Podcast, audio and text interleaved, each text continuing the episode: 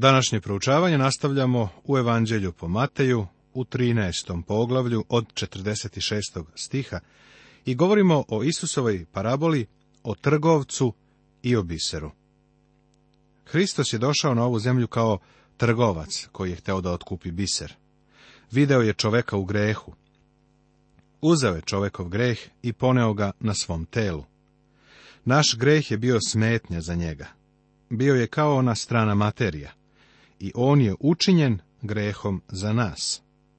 Kao što je neko rekao, u srce Hristovo sam ušao kroz ranu od koplja.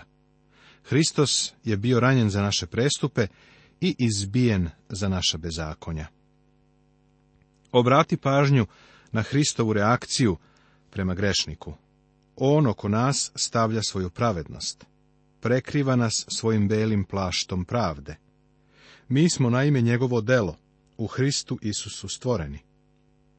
Zapisano je u poslanici Efescim u drugom poglavlju Svetog pisma Novog Zaveta. Hristos nas vidi ne kakvi smo sada, nego onakve kakvi ćemo biti jednoga dana, izvedeni pred njega kao slavna crkva koja nema mrlje ni bore ili tako što, nego da bude sveta i neporočna. Hristos je prodao sve što je imao da bi stekao crkvu. Dragi moji, sad smo deca Božija i još se ne pokaza šta ćemo biti. Znamo da ćemo, kada se on pokaže, biti njemu slični, jer ćemo ga gledati onakvog kakav je. Zapisano je u prvoj poslanici Jovanovoj, u trećem poglavlju, u drugom stihu Svetoga pisma Novog Zaveta. Kada dođemo do posljednje knjige Biblije, do otkrivenja, tu pronalazimo opis Novog Jerusalima, budućeg doma crkve. Zapazi znak izvan grada. Vrata su sačinjena od bisera. Ovo nije slučajnost, prijatelju. Po Hristovoj nameri tako je isplanirano. On je trgovac koji, kada nađe jedan skupoceni biser, ode i proda sve što ima i kupi ga.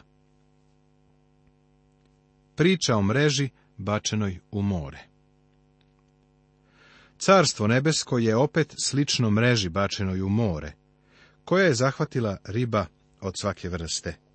Kada se napuni, izvukoše na obalu i sedoše, pa skupiše dobre u posude, a rđave izbaciše.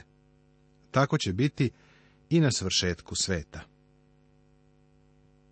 Tako će biti i na svršetku sveta. Reč sveta je grčka reč ajon, što znači doba. Biblija ne uči o kraju ovog sveta. Istina je da vremena više neće biti, ali onda počinje večnost. I bar što se mene tiče, ne vidim razliku. I nikada nisam sreo nekoga ko bi je mogao vidjeti. Kraj doba jednostavno predstavlja vreme kada će se Hristos vratiti da na zemlji uspostavi svoje carstvo. I bacit će ih u peć ognjenu, onda će biti plač i škrgut zuba. Gospod jasno pokazuje ovom modeljku da je užasno biti izgubljen.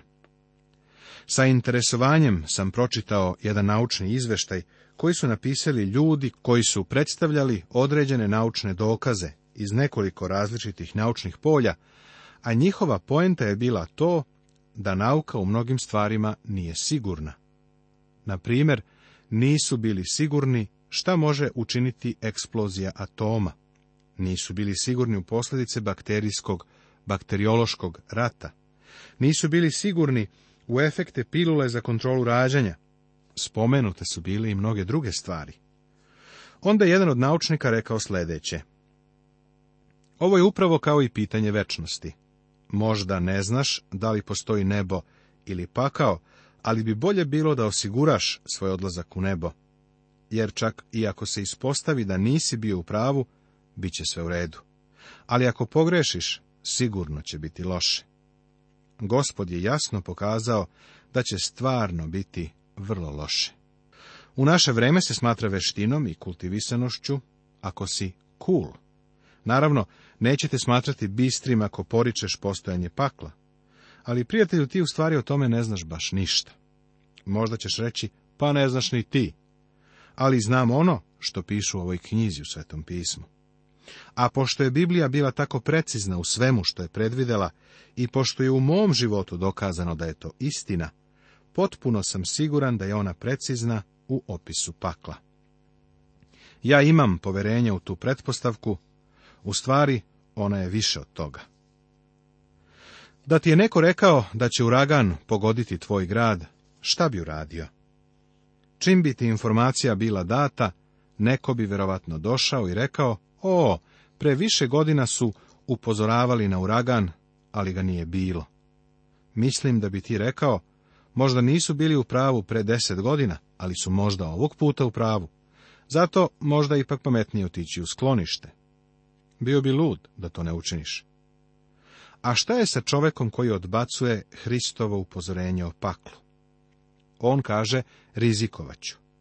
Baš bi bilo šteta da nije u pravu. Gospod Isus ukazuje na to u ovoj priči kada kaže, tako će biti i na svršetku sveta i bacit će ih u peć ognjenu. Onda će biti plač i škrgut zuba.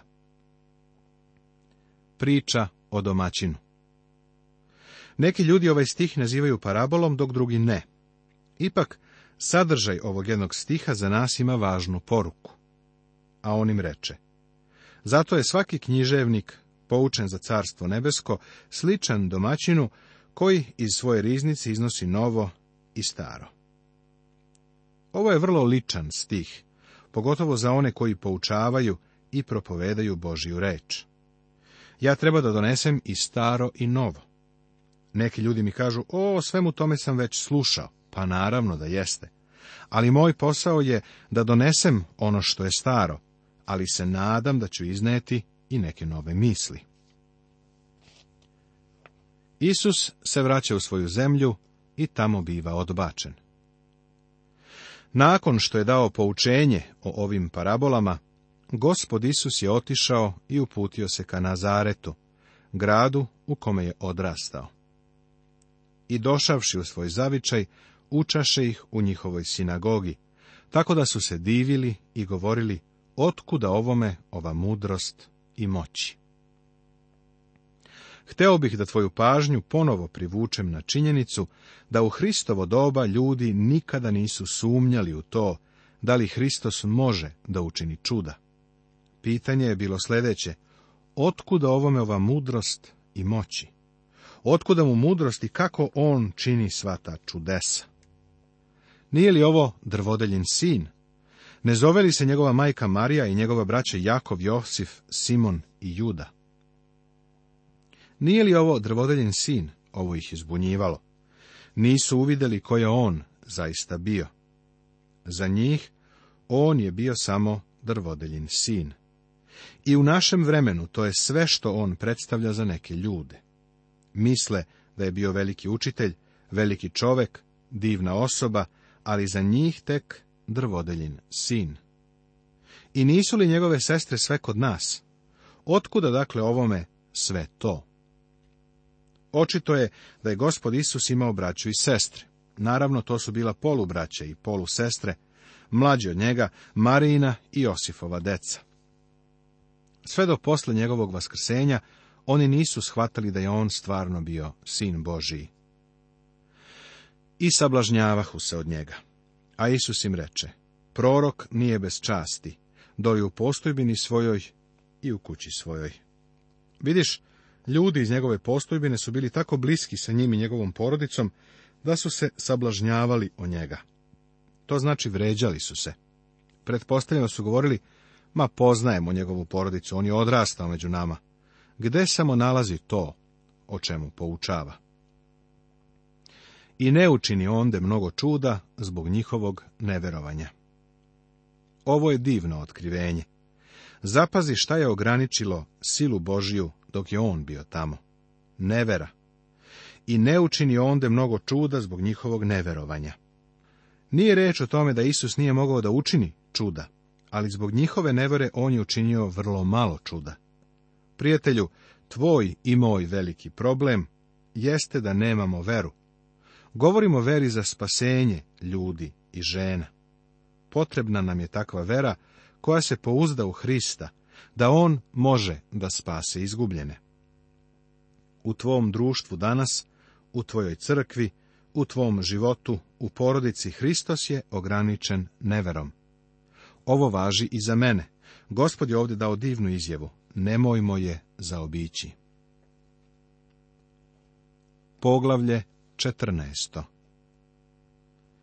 Tema Jovanu Krstitelju, prethodniku, odrubljena je glava. Isus se povlači, ali ga mnoštvo naroda prati. Hrani pet hiljada ljudi i svoje učenike šalje preko mora, u oluju. Zatim po vodi dolazi ka njima. U evanđelju po Mateju se sada nastavljaju dešavanja vezana za činjenicu da gospoda Isusa odbacuju kao cara, kao i njegov sukob sa religijskim vođama. Ovo poglavlje nam otkriva da se i odvijaju u pravcu krize. Jovan Krstitelj je pogubljen pod izgovorom da Irod mora da ispuni zavet koji je dao.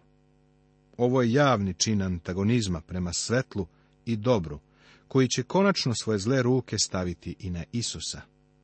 Gospod Isus se povlači da ne bi isforsirao Irodovo zlo, jer Hristov čas još nije stigao. Ako sudimo po pažnji koju su sva četiri pisca evanđelja posvetila Isusovim čudima, onda je ovo čudo nahranjivanja pet hiljada ljudi sigurno najznačajnije. To je jedino čudo koje su zabeležila sva četiri pisca evanđelja. Ubistvo Jovana Krstitelja u ono vreme Irod četvorovlasnik ču glas o Isusu i reče svojim slugama, to je Jovan Krstitelj, on je ustao iz mrtvih i zato čudotvorne sile deluju u njemu. Ako ti ovo deluje kao praznoverje, u pravu si. Ovo jeste praznoverje, ali ne biblijsko, ni Isusovo, ni apostolsko, nego praznoverje staroga Iroda i ostalog neukog naroda toga doba. Neko će reći, pa naravno, u savremenom društvu nismo tako sujeverni. Zar nismo? Obrati pažnju na to koliko ljudi prati horoskop i astrologiju. Istočnjačke religije također imaju ogroman uticaj na savremenu kulturu. Ljudi su sujeverni, prijatelju, i onog trenutka kada se odvojiš od reči Božije, postaješ sujeveran. Čak i oni koji se nazivaju ateistima okreću se sektama, izmima i paganskim religijama. Prosto nas začuđuje činjenica da pametni ljudi mogu da se bave takvim stvarima. Isusova ličnost i služba morali su biti zapaženi i od strane samog kralja i trona. To se nije moglo izbeći. Irod bio je član porodice koji treba da potražiš u dobrom biblijskom rečniku. Cela porodica bila gomila nitkova, i to najcrnje vrste. Oni su predstavljali mafiju prvoga veka a Irod o kome ovo poglavlje govori nije bio nikakav izuzetak. Prvih nekoliko stihova ovog poglavlja predstavljaju kratak prikaz događaja koji su se već zbili. Kada je Irod čuo Isusovo propovedanje, odmah se ispunio strahom i sueverjem. Irod je dao da se Jovan krstitelj pogubi, a Jovana je povezao sa gospodom Isusom. Irod je verovao da je Jovan ustao iz mrtvih i njegov strah je prešao u bes, jer je želeo da Jovana krstitelja potpuno uništi. Irod je bio pijenica, nemoralan, podao, slab čovek, ali i ubica. Već je bio ubio Jovana, Hristovog prethodnika, sada je spreman da ubije i samog Isusa. Sljedeći stihovi su deo prikaza proteklih dešavanja, koji objašnjavaju okolnosti pod kojima je umro Jovan Krstitelj. Irod je naime uhvatio Jovana, svezao ga i bacio u tamnicu zbog Irodijade, žene svoga brata Filipa. Zapazi da autor kaže da je uhvatio Jovana. To je prošla akcija. Irod je zatvorio Jovana zbog Irodijade. Vidiš kako su na Iroda drugi ljudi uticali. Ovdje je u pitanju Irodijada, kasnije će biti neki drugi ljudi. Bio je motivisan poput političara. Sve što je radio, radio je se namjerom da ga drugi uvaže i podrže. Baš kao i neki danas. Jer mu je Jovan govorio, ne smeš je imati. Jovan Krstitelj je govorio protiv Irodovog nemorala. Jovan baš i nije bio dobar političar. I htede ga ubiti, ali se poboja naroda, jer su ga smatrali prorokom. Ovde vidimo da se Irod plašio narod. A na Irodov rođendan zaigra Irodijadina kćerka pred gostima i ugodi Irodu. Irod je bio požudno, bludno staro stvorenje, koje je u to vreme živelo sa ženom svoga brata, pa ga je Jovan Krstitelj osuđivao radi toga. Zbog čega joj uz zakletvu obeća da će dati sve što zaište. Pretpostavljam da je on očekivao da će ona tražiti neku materijalnu stvar, nešto u svakom slučaju razumno. Ona pak, podstaknuta od svoje majke, reče, daj mi ovde na tanjiru glavu Jovana Krstitelja. Majka Irodijada živela je u skladu sa Irodom i njegovim imenom. Njen zahtjev je bio okrutan, sadistički, podstaknut brutalnom željom za osvetom, zato što je Jovan Krstitelj osuđivao. I ražalosti se kralj, ali zbog zakletve i gostiju naredi da se da. Zamislite samo čovjeka koji je ovim motivisan. Plašio se šta će njegovi gosti misliti o njemu ako ne ispuni obećanje koje je dao. I poslavši odseče glavu Jovana u tamnici i doneše glavu njegovu na tanjiru, te dadoše devojci, a ona je odnese svoje majci. Sadističan, tužan podao izveštaj o onome što se toga dana desilo, otkriva vrstu društva koje je tada postojalo. Jovanu Krstitelju je odrubljena glava i na tanjiru data devojci koja je igrala. Ljudska priroda se nije mnogo promijenila, požuda i ubistvo su i danas deo savremenog društva. I dođoše njegovi učenici, uzeše telo i ukopaše ga, pa dođoše i javiše Isusu. Jovanovi učenici su uzeli Jovanovo telo i pažljivo i s ljubavlju ga sahranili. Isus se povlači.